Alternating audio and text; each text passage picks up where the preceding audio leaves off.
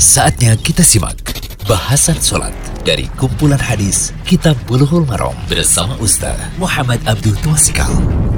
Alhamdulillah, salatu wassalamu ala rasulillah wa ala alihi wa man tabi'ahum bi isan ila yaumiddin. Allahumma anfa'na bima alamtana wa alimna ma yanfa'una wa zidna ilma. Puji syukur kita panjatkan pada Allah Rabbul Alamin, salawat serta salam. Semoga tercurah pada Nabi yang mulia, Nabi kita Muhammad sallallahu alaihi wasallam. Kali ini kita berada di audio ke-100 dari pembahasan Bulughul Maram karya Imam Ibnu Hajar Asqalani, kitab salat bab sifatis shalah Kali ini tentang hukum baca surat Al-Fatihah dalam sholat. Hadis 279. An Ubadah bin As-Samit radhiyallahu anhu qala qala Rasulullah sallallahu alaihi wasallam la salata liman lam yaqra bi ummil Qur'an muttafaqun alaih. Wa fi riwayatin li Ibn Hibban wa Daruqutni la tujzi salatun la yuqra'u fiha bi Fatihatil Kitabi.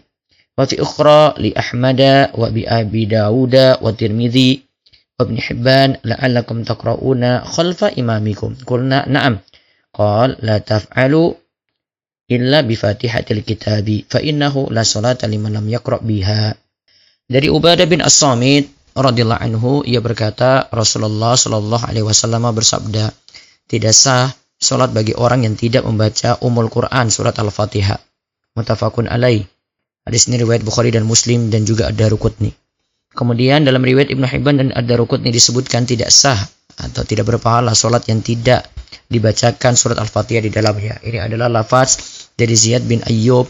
Ad-Darqutni mengatakan bahwa sanad hadis ini sahih. Dalam hadis lain, riwayat Ahmad, Abu Dawud, Tirmidzi dan Ibnu Hibban disebutkan, barangkali kalian membacanya di belakang imam kalian. Kami menjawab, iya. Beliau bersabda, jangan engkau lakukan kecuali membaca surat Al-Fatihah, karena sungguh tidak sah sholat seorang tanpa membaca Al-Fatihah. Uh, hadis yang terakhir ini Trimidi mengatakan hadis ini Hasan, Darukutni menyatakan bahwa sanad hadis ini Hasan, namun ada kritikan yang menyatakan bahwa hadis ini memiliki ilah atau cacat. Faedah hadis yang pertama, surat Al-Fatihah disebut dengan Ummul Quran. Ingat surat Al-Fatihah itu disebut dengan Ummul Quran. Kenapa? Karena di dalamnya terdapat kandungan makna yang terdapat dalam Al-Quran, yaitu terdapat pujian kepada Allah, perintah untuk beribadah dengan menjalankan perintah dan menjauhi larangan. Juga terdapat kabar gembira bagi yang beriman dan ancaman bagi yang durhaka. Yang kedua, surat Al-Fatihah disebut pula dengan Fatihatul Kitab, pembuka kitab suci. Karena surat Al-Fatihah inilah pembuka kitab suci Al-Quran dan pembuka tilawah. Pembuka tilawah berarti pembuka dalam sholat.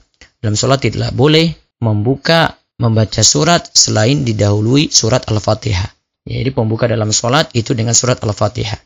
Terus yang ketiga, Al-Quran disebut dengan Alkitab. Karena kitab ini termaktub di langit dan tertulis di bumi. Kemudian yang keempat, surat Al-Fatihah memiliki beberapa penyebutan.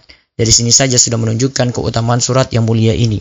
Yang kelima, para ulama madhab bersepakat bahwa surat Al-Fatihah wajib dibaca dalam sholat bagi imam dan orang yang sholat munfarid, sholat sendirian, Ah, sholat tidaklah sah kecuali harus membaca surat Al-Fatihah. Imam Abu Hanifah pada salah satu riwayat dari Imam Ahmad menyebutkan bahwa membaca Al-Fatihah tidaklah harus. Boleh saja mengganti dengan surat lain dalam Al-Quran. Namun pendapat jumhur ulama yang tadi yang kami sebutkan pertama, dalam hal ini lebih kuat yaitu surat Al-Fatihah uh, dibaca dalam sholat ya bagi imam dan orang yang munfarid. Artinya di sini wajib dibaca. Jadi tidak diganti dengan surat yang lainnya. Kemudian yang terjadi persesian di sini disebutkan dalam poin nomor 6, para ulama bersesi pendapat mengenai hukum baca surat Al-Fatihah bagi makmum. Dalam hal ini ada tiga pendapat. Pendapat pertama, wajib membaca surat Al-Fatihah bagi makmum dalam sholat sir maupun jahar. Karena membacanya itu termasuk rukun sholat. Ingat disebut rukun sholat. Pendapat pertama ini uh, dianut oleh Ubadah bin As-Samit, Ibn Abbas, Al-Auza'i, Al-Laith, Imam Syafi'i dan kebanyakan pengikutnya juga dipilih oleh Imam As-Sun'ani dan Syekh Ibnu Bas. Adapun pendapat kedua, wajib membaca surat Al-Fatihah bagi makmum dalam sholat sir. Berarti itu asar ya. Sedangkan dalam sholat jahar tidak membacanya. Artinya dalam sholat jahar tidak diwajibkan membacanya. Nah inilah pendapat Imam Malik, pendapat terdahulu dari Imam Syafi'i yaitu kalau kodim beliau. Dan juga salah satu riwayat dari Imam Ahmad Salat riwayat dari Imam Ahmad dikuatkan juga oleh sebagian ulama Hanafiyah. Kemudian ada pendapat ketiga, makmum wajib diam dalam sholat jahriyah dan sirriyah dalam sholat jar dan sir makmum tidak wajib membaca surat Al-Fatihah. Inilah pendapat yang ketiga ini dari Imam Abu Hanifah. Pendapat ketiga ini dari Imam ya Abu Hanifah. Nah, pendapat yang terkuat dalam hal ini adalah wajibnya membaca surat Al-Fatihah dalam surat siriyah dan jahriyah bagi makmum sebagaimana dipilih oleh pendapat pertama kami lebih kuatkan pendapat ini ya, sebagaimana pendapat dari Syekh uh, Abdullah Fauzan dalam hal ini. Makmum membaca surat Al-Fatihah ketika imam diam. Jika makmum tidak dimudahkan, ia tetap membacanya walaupun saat imam sedang membaca uh, surat setelah Al-Fatihah.